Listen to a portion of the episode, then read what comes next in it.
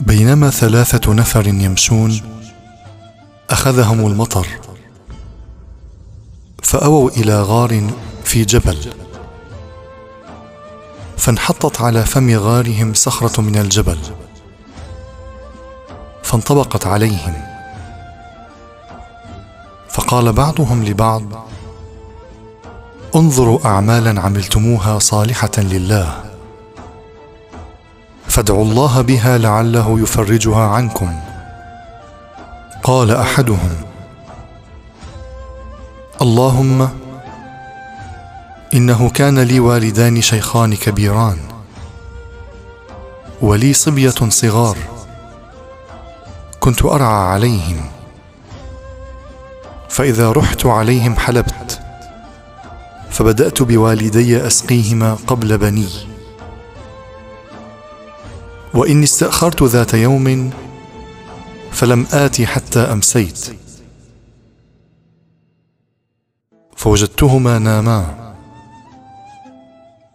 فحلبت كما كنت أحلب. فقمت عند رؤوسهما أكره أن اوقظهما وأكره أن أسقي الصبية. والصبيه يتضاغون عند قدمي حتى طلع الفجر. فإن كنت تعلم أني فعلته ابتغاء وجهك فافرج لنا فرجة نرى منها السماء. ففرج الله فرأوا السماء. وقال الآخر اللهم إنها كانت لي بنت عم احببتها كأشد ما يحب الرجال النساء. فطلبت منها. فأبت علي حتى أتيتها بمائه دينار. فبغيت حتى جمعتها. فلما وقعت بين رجليها قالت يا عبد الله اتق الله ولا تفتح الخاتم إلا بحقه. فقمت.